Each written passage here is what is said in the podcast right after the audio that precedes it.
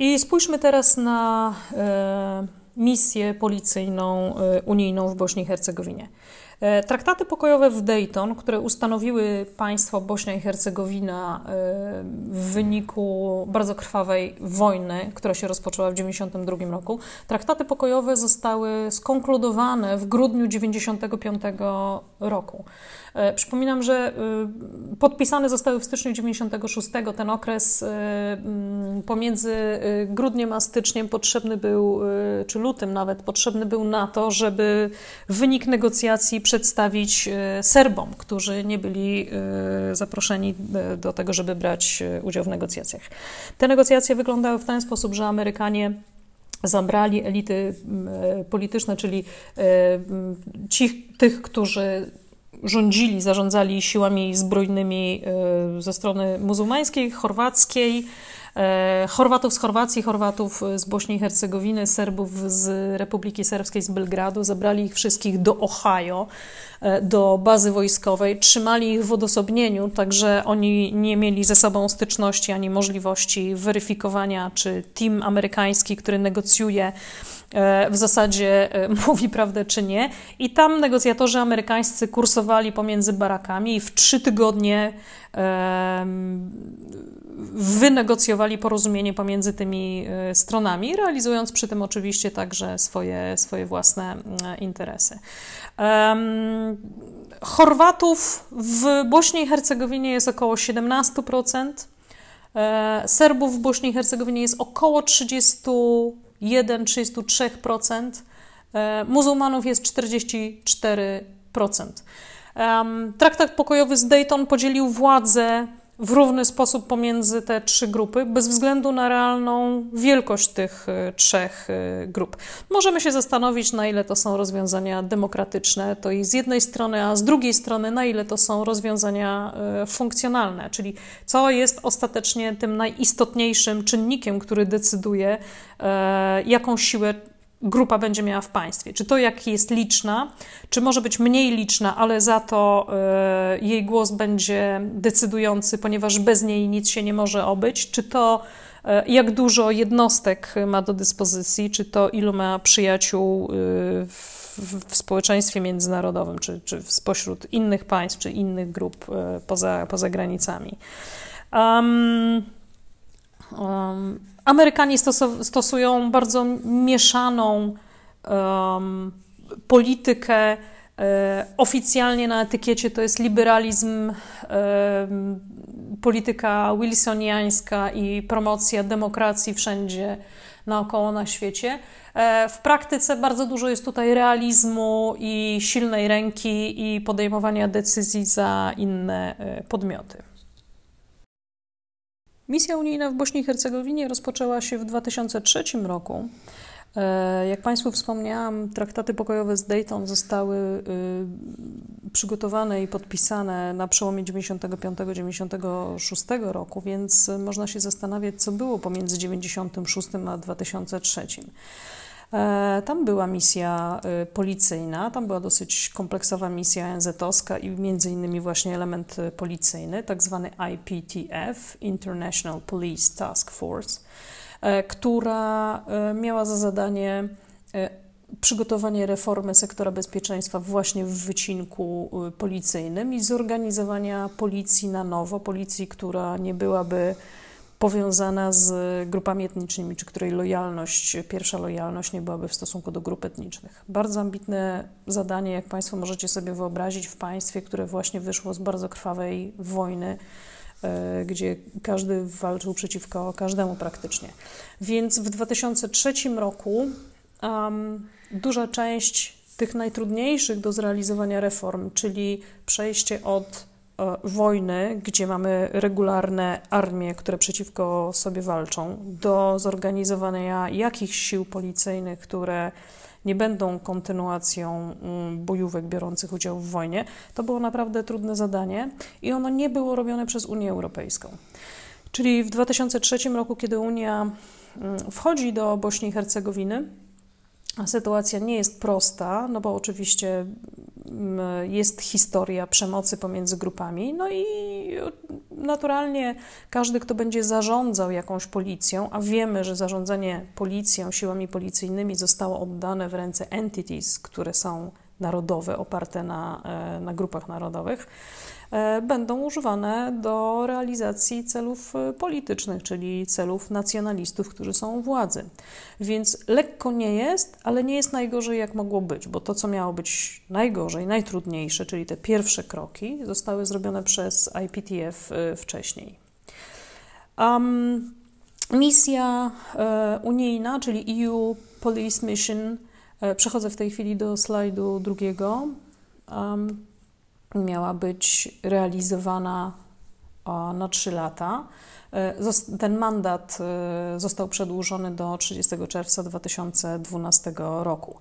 I misja, przed misją zostały postawione trzy podstawowe zadania, czyli szkolenie, monitorowanie, inspekcja E, nadzorowanie lokalnej policji czy policji w Bośni i Hercegowinie, żeby utworzyć z niej stabilną, wielonarodową, profesjonalną policję działającą na podstawie standardów e, Unii Europejskiej. Dwa, pomoc w prowadzeniu dochodzeń związanych ze zwalczaniem przestępczości zorganizowanej i wsparcie dla wymiaru sprawiedliwości. E, trzy, identyfikowanie potrzeb policji na bieżąco i próba zaspokojenia tych potrzeb przy użyciu dostępnych funduszy pochodzących z Unii Europejskiej. E, to są takie zadania właśnie, jakie e, politycy stawiają przed misjami, jakie bardzo dobrze wyglądają w dokumentach, ale spójrzmy na to, spójrzmy na to realnie. E, pierwsze, szkolenie, monitorowanie, inspekcja, to, to oczywiście bez, bez dwóch zdań i można szkolić, i można monitorować, i można robić inspekcje, ale w, te, w celu utworzenia wielonarodowej, profesjonalnej policji działającej na podstawie standardów Unii Europejskiej jest bardzo trudne. Standardy Unii Europejskiej to są standardy państw bardzo zaawansowanych w realizowaniu demokracji, e, które e, oparte są o cały system istniejącego prawa. W 2003 roku w Bośni i Hercegowinie jeszcze nie było spójnego systemu prawa, dlatego że to prawo wciąż e, podlegało zmianom, a część prawa, które zostało wymuszone przez wspólnoty międzynarodowe, wspólnotę międzynarodową nie było przestrzegane. Więc y, y, pamiętajcie Państwo, że policja jest tylko jednym z elementów funkcjonowania państwa i ona nie jest oderwana od pozostałych. Ona jest zawieszona w innych elementach. I te najważniejsze elementy, w których jest zawieszona, to jest władza, przed którą jest odpowiedzialna i która zarządza tą policją, i prawo, które ta policja ma realizować i pilnować, żeby ono właśnie było wdrażane i przestrzegane. Więc jeżeli e, elity, które zarządzają tą policją, są e, nacjonalistyczne, dlatego że konstytucja państwa powoduje, że e, nie ma żadnej innej możliwości, bo za siły policyjne i porządek wewnętrzny odpowiadają władze entities, a te są, a entities są zrobione przez tą konstytucję, która została zrobiona przez siły międzynarodowe na e, jednostki e, w zasadzie czyste etnicznie, no to bardzo trudno jest zrobić profesjonalną, wielonarodową policję, która będzie realizowała standardy Unii Europejskiej. To jest lekko oderwane od rzeczywistości, chociaż oczywiście e, na papierze brzmi bardzo dobrze i w raportowaniu też całkiem nieźle. Dalej, pomoc w prowadzeniu dochodzeń związanych ze zwalczaniem przestępczości zorganizowanej. E, to jest jedno z trudniejszych zadań, z którymi do dnia dzisiejszego e, borykają się wszelkiego rodzaju siły międzynarodowe nadal stacjonujące albo w jakiś sposób operujące na terytorium Bośni i Hercegowiny. E, chodzi o to, żeby postawić przed Trybunałem Międzynarodowym, Trybunałem Sprawiedliwości osoby, które są oskarżone o popełnienie zbrodni i przestępstw w czasie e, trwania wojny, to raz. E, a dwa, żeby rozmontować mafie, które działają w Bośni i generalnie na Bałkanach. Ponownie bardzo trudna do realizacji rzecz, dlatego że jak już rozmawialiśmy w momencie, kiedy parę wykładów temu, kiedy mówiłam Państwu o tym, w jaki sposób państwa upadające są zagrożeniem dla porządku międzynarodowego, Wspominałam, że jedną z trudniejszych do opanowania rzeczy jest naturalna skłonność do współpracy pomiędzy grupami przestępczymi a elitami władzy. Czyli jedni drugim są bardzo potrzebni, okazuje się. E, elity władzy potrzebują raz, że jakiejś bojówki, dwa, że finansów na prowadzenie swoich kampanii, ale i e, realizację swojej polityki, a grupy przestępcze potrzebują dostępu do władzy po to, żeby budować swoją ochronę i po to, żeby móc realizować lepsze interesy. I tutaj na przykład prywatyzacja w państwie, szczególnie państwie pokonfliktowym, jest idealną okolicznością do tego, żeby zdobyć państwowy czy przejąć państwowy y, majątek za stosunkowo nieduże pieniądze, a następnie rozkręcić już zupełnie legalne y, interesy. Y, więc jakby to idzie ręka w rękę. Więc zwalczanie przestępczości zorganizowanej bardzo jest trudne do realizacji, szczególnie jeżeli mamy tego typu misje, co EUPM w Bośni to znaczy misję tak zwaną non-executive, czyli policja nie może wkroczyć i zrobić czegoś. Policja może wpływać na sytuację poprzez szkolenie, monitorowanie i inspekcje. E, I trzeba przyznać, że zwalczanie przestępczości zorganizowanej i doprowadzenie przed Trybunał Sprawiedliwości osób e, oskarżonych o popełnienie zbrodni idzie bardzo ciężko nawet międzynarodowym siłom wojskowym, które mają zdolność do tego, żeby e, działać w, w terenie, mają dostępne środki i E, mandat do tego, żeby być właśnie misją executive, czyli dokonywać czegoś, a nie tylko monitorować kogoś, kto, kto to robi. To idzie ciężko. A co dopiero, jeżeli mamy misję, która jest stosunkowo nieliczna, i skupia się głównie na tym, żeby, żeby szkolić. No i teraz zobaczmy, przechodzę do slajdu trzeciego, zobaczmy wielkość personelu tej misji. Spójrzcie, że Um, najwięcej oficerów w ciągu tych dziewięciu lat rozlokowanych w Bośni i Hercegowinie na samym początku um, to było um, 478 osób plus niecałe 300 personelu lokalnego, czyli jakby gdzieś tam liczy się, że najwięcej jak było unijnych e, oficerów policji, to, to jest gdzieś w okolicy 500. Z roku na rok ta liczba spadała, także ostatecznie w 2012 roku była to naprawdę nieliczna y, misja, czyli miała 34 oficerów policji, z, przede wszystkim z Unii Europejskiej, ale nie tylko, e, i e, niewiele ponad drugie tyle personelu lokalnego. Czyli z całą pewnością, z taką wielkością, szczególnie jeżeli mają mandat tylko i wyłącznie do tego, żeby monitorować i szkolić, y, nie da się skonstruować jakiejś większej operacji przeciwko przestępczości zorganizowanej. I teraz zobaczcie Państwo, że w tej misji. Um, w tej misji y, mandaty się y, zmieniały, czyli od początku, na początku były to bardzo ambitne zadania, a następnie bardzo ogólnie określone, tak jak macie Państwo na slajdzie trzecim w punkcie pierwszym, czyli y, focusing on police reform, keeping finger on police accountability, czyli jakby monitorowanie, patrzenie, czy, czy wszystko jest dobrze, czy reforma, czy reforma ok, w porządku przebiega. Um, no i oczywiście no, to, to przestępczość zorganizowana i korupcja jako ten fokus główny, nierealny do wykonania z, z tymi siłami. Ale nierealny nie dlatego, że tylko i wyłącznie dlatego, że ta misja mm, e, nie miała wystarczającego zaplecza do realizacji swojego mandatu. Nie tylko dlatego. Przede wszystkim dlatego właśnie, że traktaty pokojowe w Dayton ustanowiły państwo, które strukturalnie było stworzone do tego, żeby właśnie była przestępczość zorganizowana, żeby nie dało się zrobić policji y, wielonarodowej, żeby y, nie dało się zorganizować nawet y, Straży Granicznej. Czy jakby struktura, która została ustanowiona głównie przez Amerykanów, ale przez międzynarodowych negocjatorów w Dayton w momencie podpisywania traktatu pokojowego, utworzyła państwo, które jest niezwykle trudne do zarządzania. A w związku z tym, jakakolwiek misja unijna nie byłaby rozlokowana, ona ma małe szanse powodzenia, jeżeli nie zostanie zrobiona reforma konstytucyjna, czyli nie zostanie zmieniona konstytucja. A ponieważ nikt w państwie kto mógłby zmienić tą konstytucję, nie jest zainteresowany, żeby zmieniać tą konstytucję, no to trochę jesteśmy z ręką w nocniku w sposób permanentny.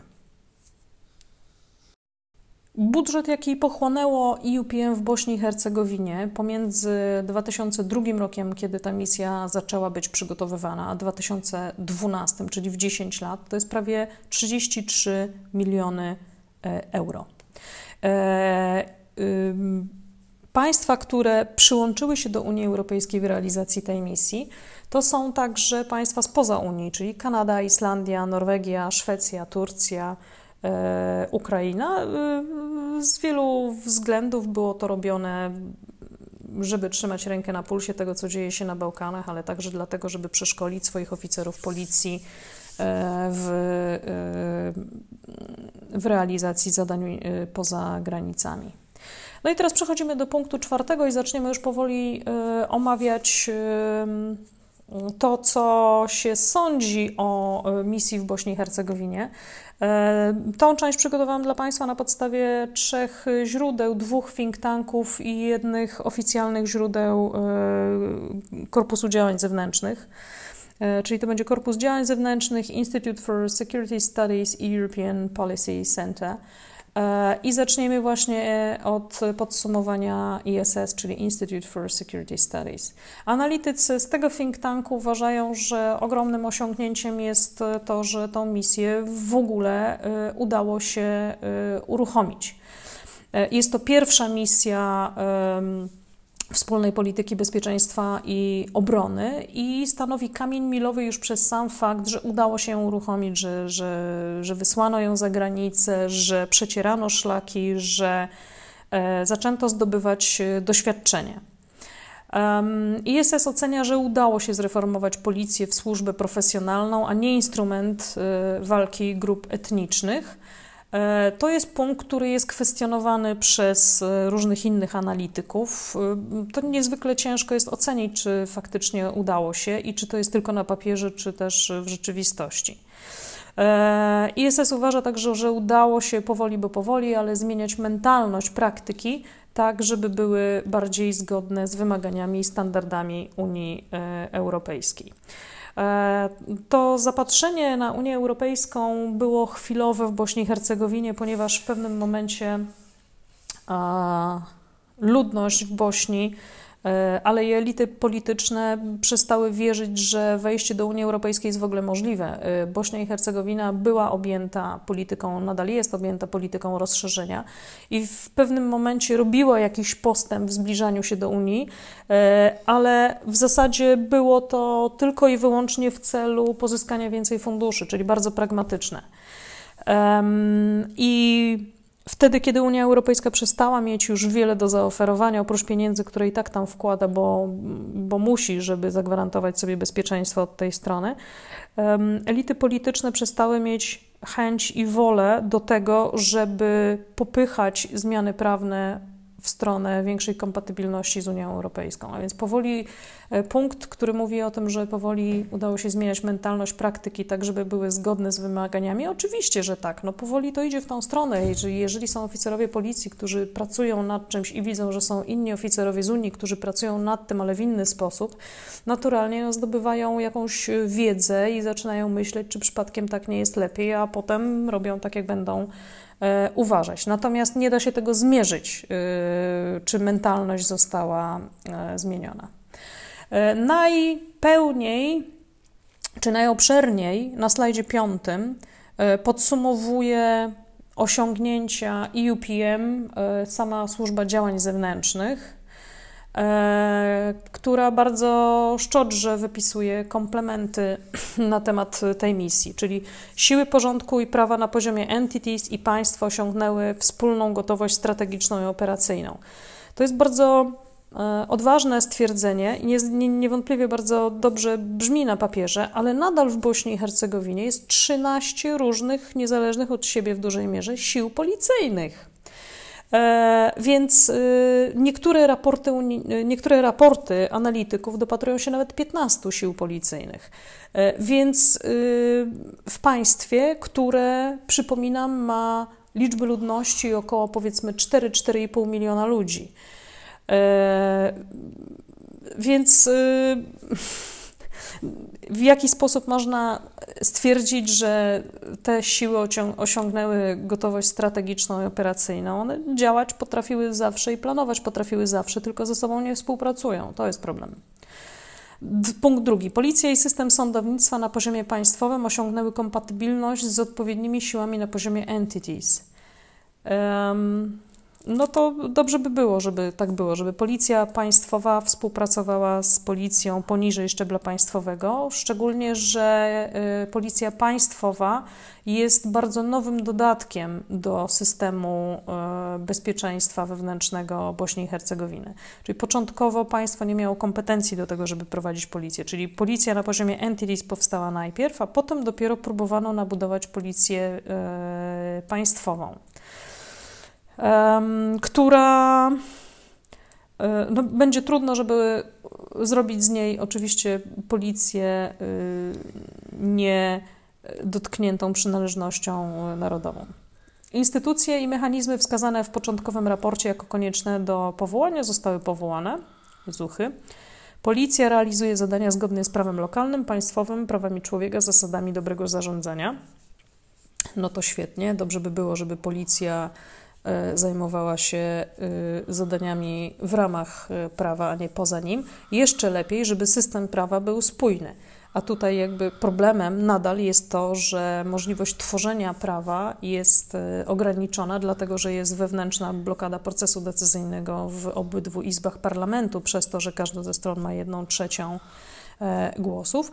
I system prawa nie był spójny, więc jakby im więcej aktów prawa będzie powstawało, tym bardziej spójny ten system e, się zrobi. I to jest jakby najsłabszy punkt. E, że policja przestrzega prawa, no to, to, to i tak właśnie powinna. Policja osiągnęła standardy wymagane do otworzenia ruchu bezwizowego Bośnia-Schengen w grudniu 2010 roku. No i to jest przepiękna historia, e, dlatego że um, Unia Europejska chciała, żeby Bośnia i Hercegowina dostosowała swoje pewne, wdrożyła pewne standardy e, i jako marchewkę e, do tego targu wrzuciła ofertę wprowadzenia ruchu bezwizowego ze strefą Schengen, bo nie miała nic innego do zaoferowania. I było to w zasadzie ostatnie, czego ludziom w Bośni i Hercegowinie brakowało do tego, żeby czuć pełnię szczęścia, bo y, oferta przystąpienia do Unii Europejskiej wydawała im się i tak nierealna, ponieważ dysproporcje rozwojowe są y, zbyt y, duże i zbyt duży jest bałagan polityczny wewnątrz Bośni i Hercegowiny. W związku z tym z nacjonalistami u władzy, okej, okay, Chorwacji się udało, ale Chorwacja nie była tak e, zdywersyfikowana jak Bośnia i Hercegowina. Natomiast w Bośni nie bardzo ktokolwiek wierzył, że coś może zmienić się na lepsze i to szybko i, i, i że będzie pięknie i demokratycznie. Natomiast oczywiście interesowało ludzi, żeby móc wyjeżdżać do Schengen, no bo tam głównie zarobkują czyli przed rozpadem Jugosławii, duża część ludzi w Jugosławii zarabiała w Niemczech. E, nadal mają tam e, rodziny i nadal e, mają tam prace sezonowe, nadal stamtąd na przykład w latach późnych 90. i na początku XXI wieku przerzucali samochody kradzione do Bośni, a potem dalej do Kosowa. Czyli jakby mm, społeczeństwo czy ludzie w, na Bałkanach zawsze byli bardzo silnie powiązani i zależni gospodarczo, choć nielegalnie gospodarczo, przede wszystkim z Niemcami, ale także z innymi państwami zamożnymi w zachodniej Europie. Więc e, Schengen, możliwość dostępu bezwizowego do Schengen to jest big deal. I wyobraźcie sobie Państwo, że parlament Bośni i Hercegowiny, który przez lata nie był w stanie przepchnąć tych aktów prawnych, które Unia Europejska w końcu zażądała, żeby zostały przepchnięte, przepchnął je w 31 dni. Czyli mają system motywacyjny. Jeżeli nagroda obiecywana jest bardzo duża, taka na przykład jak Schengen, to dla nich nie ma problemu, żeby się dogadać i ustanowić jakieś akty prawne. Zrobili to. Unia Europejska zastosowała jedyny w zasadzie instrument, czy niewiel, znaczy nie, nie jedyny, ale jeden z najsilniejszych instrumentów, jaki ma, być może najsilniejszy instrument, jaki ma, czyli political conditionality, warunkowość polityczną. Czyli mówi, przyjmujecie te akty prawne, a w zamian my wam dajemy coś, zazwyczaj gospodarczego.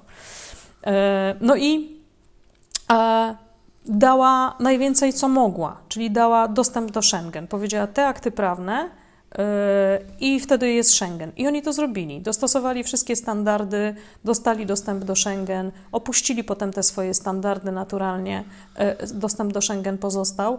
Co gorzej, Unia Europejska została bez żadnego efektywnego instrumentu politycznego oddziaływania w Bośni i Hercegowinie. Unia Europejska nie ma już nic do zaoferowania. E, w związku z tym wystrzelała się praktycznie z całej swojej amunicji. E, I to powinno być e, dla nas, myślę, jedną z głównych lekcji odnośnie działania Unii Europejskiej w Bośni, bo Unia Europejska ma niewiele instrumentów, niewiele możliwości oddziaływania. E, oferta rozszerzenia jest jednym z silniejszych, ale działa tylko na państwa, które mają potencjał, szansę do tego, spełniają kryteria, chociażby geograficzne. A w momencie, kiedy Unia Europejska angażuje się dalej od swoich granic i nie może zaproponować rozszerzenia, pozostaje jej stosunkowo niewiele narzędzi. Warunkowość polityczna to jest jeden z nich, ale zauważmy, że warunkowość polityczna działa wtedy, kiedy mamy bardzo atrakcyjną zachętę dla państw, na których próbujemy e, wymusić e, jakieś zachowanie. I w momencie, kiedy wystrzelamy się z tych bardzo atrakcyjnych ofert, to e, państwa, na które Unia próbuje oddziaływać, przestają być zainteresowane współpracą. I tak mniej więcej stało się w Bośni i Hercegowinie. I jakby właśnie dopuszczenie e, obywateli Bośni i Hercegowiny do strefy Schengen w ruchu bezwizowym to było jakby ostatnią wielką marchewką, którą Unia Europejska miała. Przechodząc dalej do e, podsumowania osiągnięć UPM. Wzrosła liczba operacji przeciwko zorganizowanej przestępczości. Jupi, hura.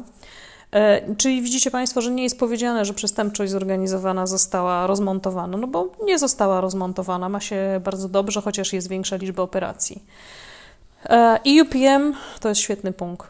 E, pomógł policji rozwinąć działalność, poprawić wizerunek, odpowiedzialność przez obywatelami poprzez kampanie medialne.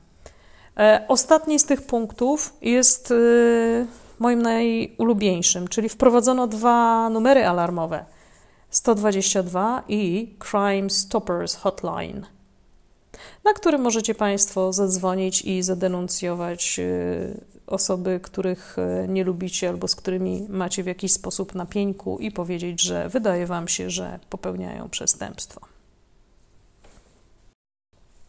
Przechodzę w tej chwili do slajdu y, szóstego i do, e, który ciąg dalszy będzie oparty na analizach innych think tanków, które zauważają, że jednym z podstawowych mankamentów czy elementów, które świadczą braku realnej siły tej misji, to jest właśnie brak mandatu do wdrożenia prawa, czyli ta non-executive mission, czyli nie mogą pójść i zrobić czegoś, tylko muszą wpływać na inne lokalne organy, żeby te organy coś e, zadziałały.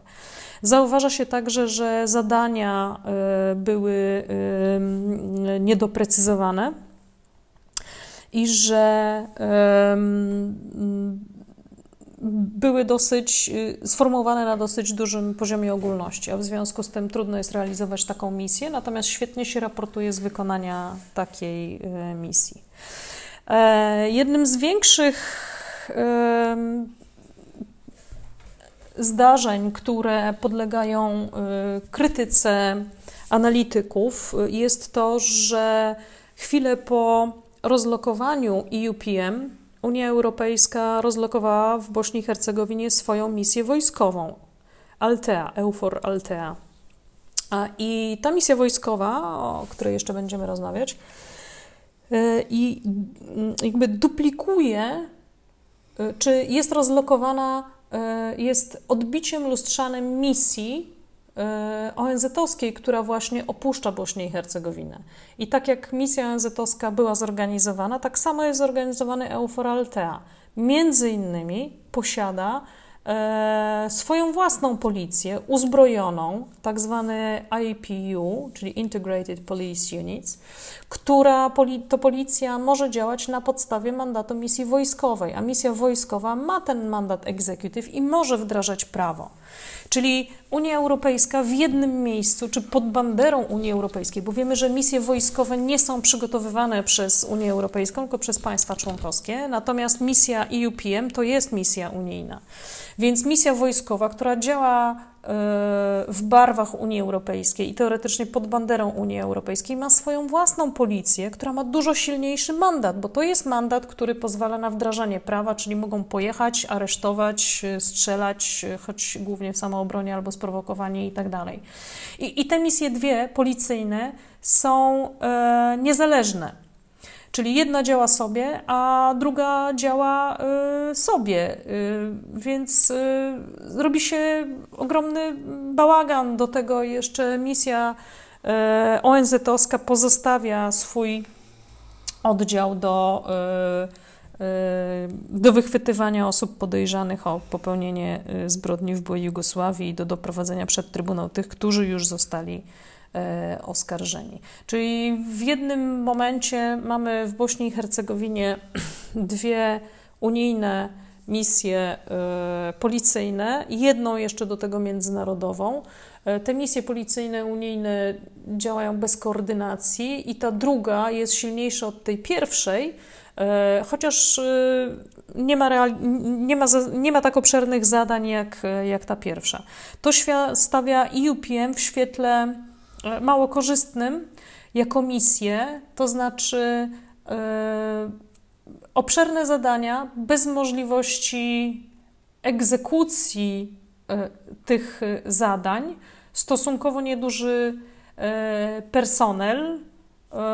No i zaczyna się wewnętrzna walka o kompetencje pomiędzy jedną policją a drugą policją, czyli te policje próbują dojść, kto w końcu ma robić co, i każdy chce robić e, jak najwięcej. No i w wyniku, w wyniku takiej nieefektywności e,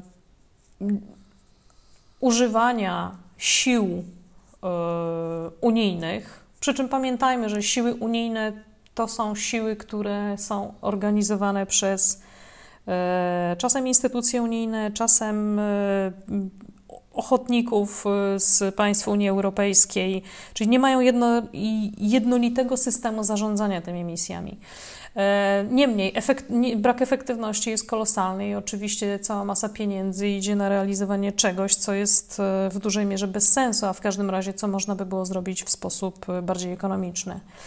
E, niemniej e, prowadzi do czegoś, co na slajdzie siódmym Państwo zobaczycie, co jest tak zwany mission creeping, czy mission creep, czyli rozciąganie się, ślimaczenie się, ślimaczenie się emisji.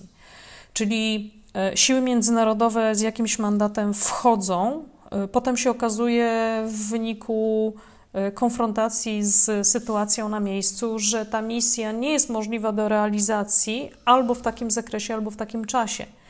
I planowano opanowanie y, sytuacji z przestępczością zorganizowaną w Bośni w dwa lata.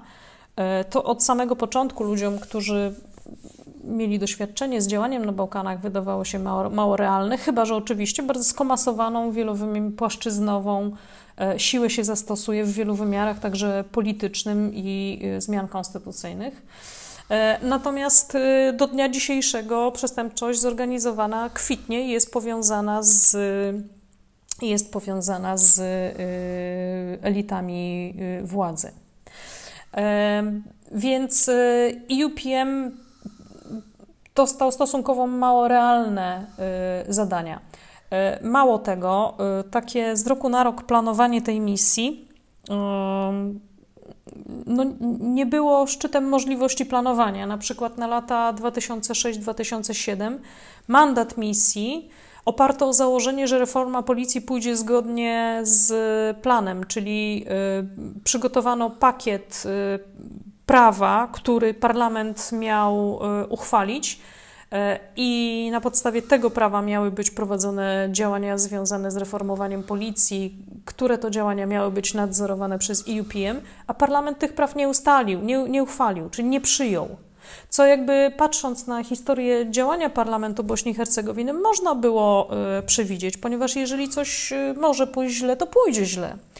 I patrząc na y, proces decyzyjny w parlamencie, od samego początku tak jest. W związku z tym bardzo optymistycznie zakładano, że to prawo zostanie przyjęte, a to prawo nie zostało przyjęte wtedy. W związku z tym mandat na czy zadania na y, lata 2006 i 2007 były zupełnie y, niewycelowane, no to jak kulą w płot zupełnie.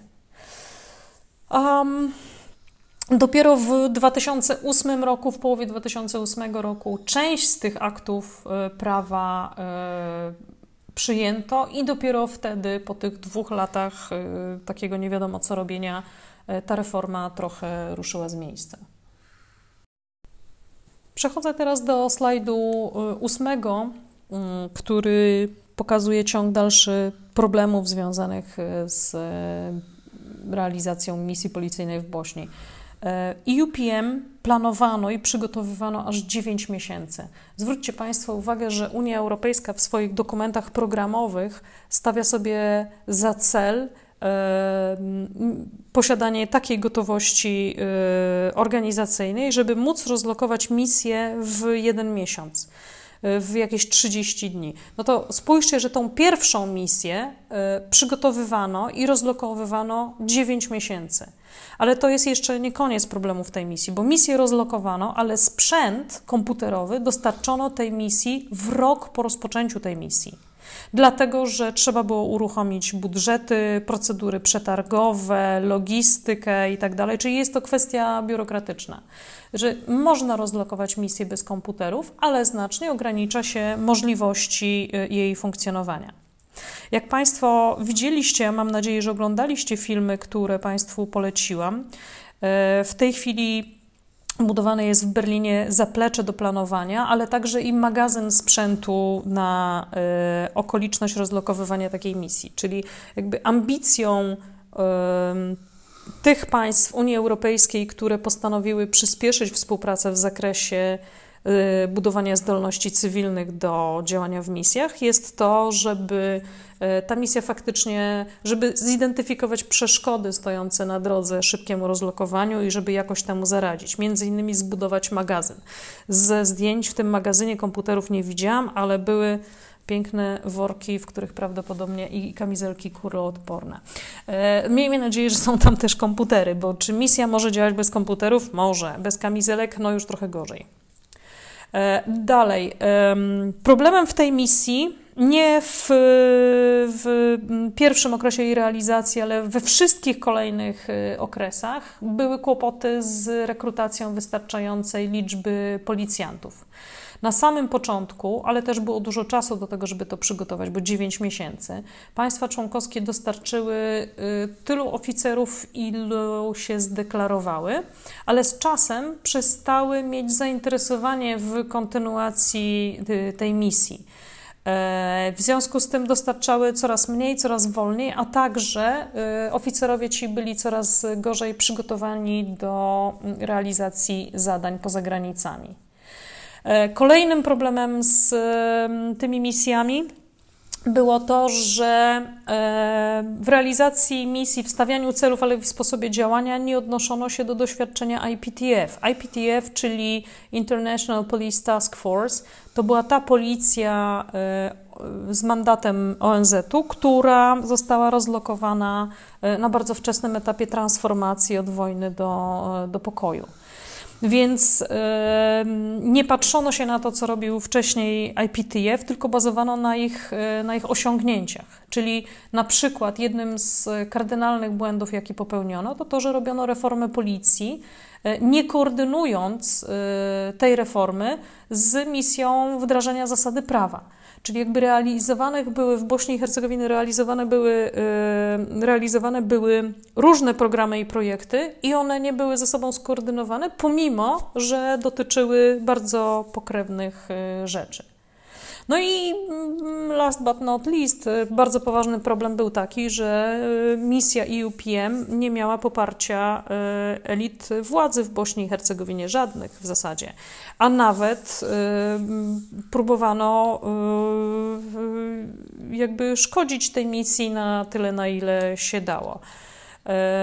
Więc proces reformy policji był spowolniony. Dlaczego lokalne elity nie wspierały? No, po pierwsze, mają interes w tym, żeby y, sytuacja wyglądała jak wyglądała, bo czerpią zysk z chaosu a po drugie y, nie ufają żadnym siłom międzynarodowym. Y, w Bośni w ogóle nie ufa się siłom, żadnym siłom międzynarodowym, ponieważ uważa się, że są to y, najeźdźcy, którzy przyjeżdżają robić tutaj swoje jakieś porządki u nas, niby na jakiej podstawie i dlaczego nie konsultując tego z nami.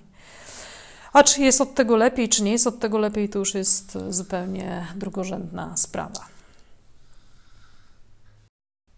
E, na ile EUPM e, pomógł, czy jakie są efekty EUPM? E, przechodzę w tej chwili do slajdu dziewiątego.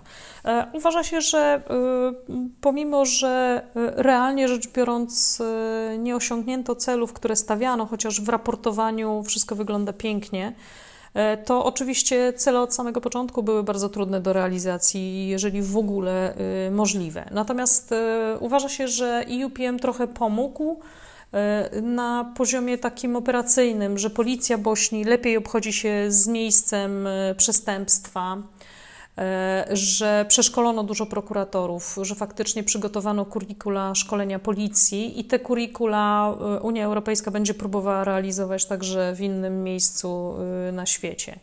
E, ze szkoleniem prokuratorów e, niektórzy analitycy zauważają, że to są prokuratorzy, którzy teoretycznie są bardzo dobrze przeszkoleni, mają zrealizowane różnego rodzaju kursy i tak dalej, ale kiedy wracają do Bośni i Hercegowiny z tych szkoleń, to potem zaczynają działać w warunkach lokalnych, a warunki lokalne są takie, że E, elity są nacjonalistyczne i powiązane z grupami przestępczymi. I to jest system, i człowiek musi funkcjonować w tym systemie. W związku z tym kwestią nie jest to, żeby im powiedzieć, jak powinno funkcjonować e, prawo albo jak powinno się robić dochodzenie, tylko zmiana sytuacji, e, codziennej sytuacji zawodowej i politycznej, w której oni funkcjonują. Um, Dalej uważa się, że nie ma jednolitej, nie, jednolitego systemu policji w Bośni, że tych policji jest dużo i trochę każda sobie rzepkę skrobie, chociaż wszystkie starają się działać w ramach e, prawa. E, okazuje się oczywiście, że brak koordynacji misji i programów Unii Europejskiej e, no jest jakąś kolosalną porażką. Mm, te, o których Państwu wspomniałam do tej pory, to jest to są różne policje, czyli EUPM plus ta misja e, policyjna w ramach misji wojskowej, ale na miejscu działa programów i projektów Unii Europejskiej cała masa. I one ze sobą, e, one są oddzielnie planowane, ponieważ w Unii Europejskiej różne instytucje planują różne rzeczy, różne są też systemy finansowania i nie ma koordynacji na poziomie realizacji misji, ani na poziomie planowania tej misji. W związku z tym jakby to jest takie counter-effective. To, to wszystko można by zrobić e, dużo lepiej i można by mieć dużo większy wpływ na to, co się na miejscu dzieje, gdyby te wszystkie misje zacząć e, koordynować. Więc analitycy podkreślają, że potrzeba czegoś, co się mm, w stosunkach międzynarodowych nazywa comprehensive approach, czyli takie całościowe podejście. Całościowe podejście jest jest szczególnie e, modnym terminem w ciągu ostatnich 10 lat. Zaczęło się robić na e, forum NATO, a potem nagle Comprehensive Approach jako określenie zaczęło robić karierę e, w innych też gremiach. Comprehensive Approach, czyli właśnie trzeba zacząć to wszystko koordynować. No, to już wiedzieliśmy dawno temu, a teraz wreszcie Unia Europejska zrobiła jakiś acknowledgement i zaczęła na ten temat pisać. Podsumowując, przechodzimy do slajdu 10.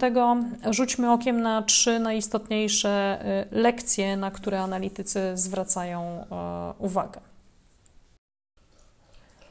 Y, pierwsza z tych lekcji dotyczy planowania misji.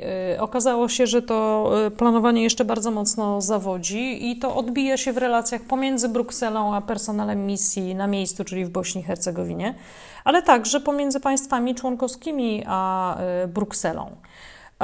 I żeby poprawić trochę tą sytuację, y, wprowadzono w 2007 roku coś, co się nazywało Civilian Planning and Conduct Capacity. Wszystko jedno, jak to się nazywało, nie musicie Państwo y, tego wiedzieć, ale w każdym razie przygotowano jakąś e, standaryzację procedur, czyli żeby wiadomo było, jak, jak co działa. I przez chwilę to coś pomogło, ale Nadal problemów nie zlikwidowano, dlatego że państwa członkowskie albo dostarczały personel, albo nie dostarczały personelu. E, misja była zbyt mocno, misja na miejscu była zbyt mocno zależna od władz w Brukseli, które miały głos decyzyjny w zbyt wielu w zbyt wielu sprawach, a do tego umocowanie tej misji pośród innych programów i projektów, które działały w Bośni i Hercegowinie, to no, wołało trochę o pomstę do nieba. Ponieważ jakby nic nie było zależne od tego, ani jakby korzyści ze współpracy, czyli zrobienia, zrobienia jakiegoś skomasowania e, działań e, nie zostały e, osiągnięte. Dalej, lekcja druga to właśnie koordynacja mandatów instytucji i, i organizacji. Przypomnijmy, że misja EUPM to był, nie miała mandatu wdrażania prawa, w związku z tym była bardzo zależna od innych instytucji, przede wszystkim od wojska. No ale wojsko miało swoją własną policję, w związku z tym nie bardzo chciało używać tej policji unijnej, ani też e, wspierać, no bo e, realizowało swoje własne zadania policyjne. Więc e, to nie było dobrze zrobione. Najgorzej jednak było z tym, że przechodzę do slajdu 11 EUSR, czyli EU, e, European Union Special Representative, o którym będziemy rozmawiać, e, miał bardzo ograniczoną rolę. EU Special Representative to jest bardzo fajna instytucja. E, to jest człowiek, który zawsze jest bardzo dobrze zorientowany w warunkach lokalnych, który ma mandat unijny do robienia bardzo wielu rzeczy, tyle że ponownie to mogłaby być instytucja, która by koordynowała na miejscu programy i projekty unijne, ale i misje unijne, ale tego nie robi, ponieważ każda z tych misji odpowiada przed swoją własną jednostką, która ją tam wysłała. Czyli w Brukseli jest cała masa różnych instytucji, które wysyłają różne misje i różne programy. E, I te programy są przygotowywane w oderwaniu od siebie nawzajem, a na miejscu zadanie koordynowania tego ma EU Special Representative, który nie może tego koordynować, ponieważ te misje odpowiadają przed władzami, które je tam wysłały, z realizacji tych, y, tych zadań. W związku z tym to jest e, taki e, paragraf 22. E, skutkiem tego, że te misje funkcjonują właśnie w ten sposób, czy obecność Unii w jakichś miejscach poza granicami wygląda właśnie tak, e, traci się e, tak zwany impact, czyli traci się możliwość skomasowania nacisku w jakąś konkretną stronę poprzez koordynację działań, czyli jakby w, można by było osiągnąć znacznie więcej, gdyby skoordynować działania pomiędzy tymi misjami.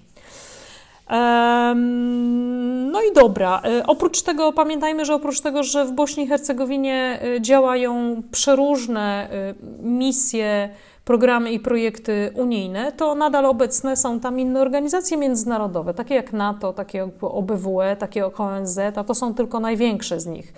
I żeby obecność międzynarodowa w jakimś państwie pokonfliktowym działała skutecznie, to najlepiej byłoby, żeby zrobić właśnie ten comprehensive approach, e, który by e, zakładał współdziałanie wszystkich podmiotów, które mają zamiar rozpocząć e, jakąś aktywność na terenie państwa przyjmującego, czyli państwa, na terenie którego odbywają się procesy stabilizacyjne. W tej chwili takiego obowiązku nie ma, nikt nie ma ani prawa do koordynowania, ani e, woli koordynowania, i przez to obecność międzynarodowa w jakimś państwie jest bardzo chaotyczna. Co jest oczywiście problemem do skutecznej realizacji jakichś zadań związanych z, ze stabilizacją, takich bardziej długookresowych i, i, i bardziej lepiej przygotowanych. Lekcja trzecia to e, wpływ misji e, w państwie przyjmującym. E, wpływ e, takiej misji e, można mierzyć tylko i wyłącznie prawdopodobnie w odniesieniu do trwałości efektów w społeczeństwie, czy dla społeczeństwa, dla ludzi, dla których to państwo w ogóle funkcjonuje i dla których ta policja ma funkcjonować.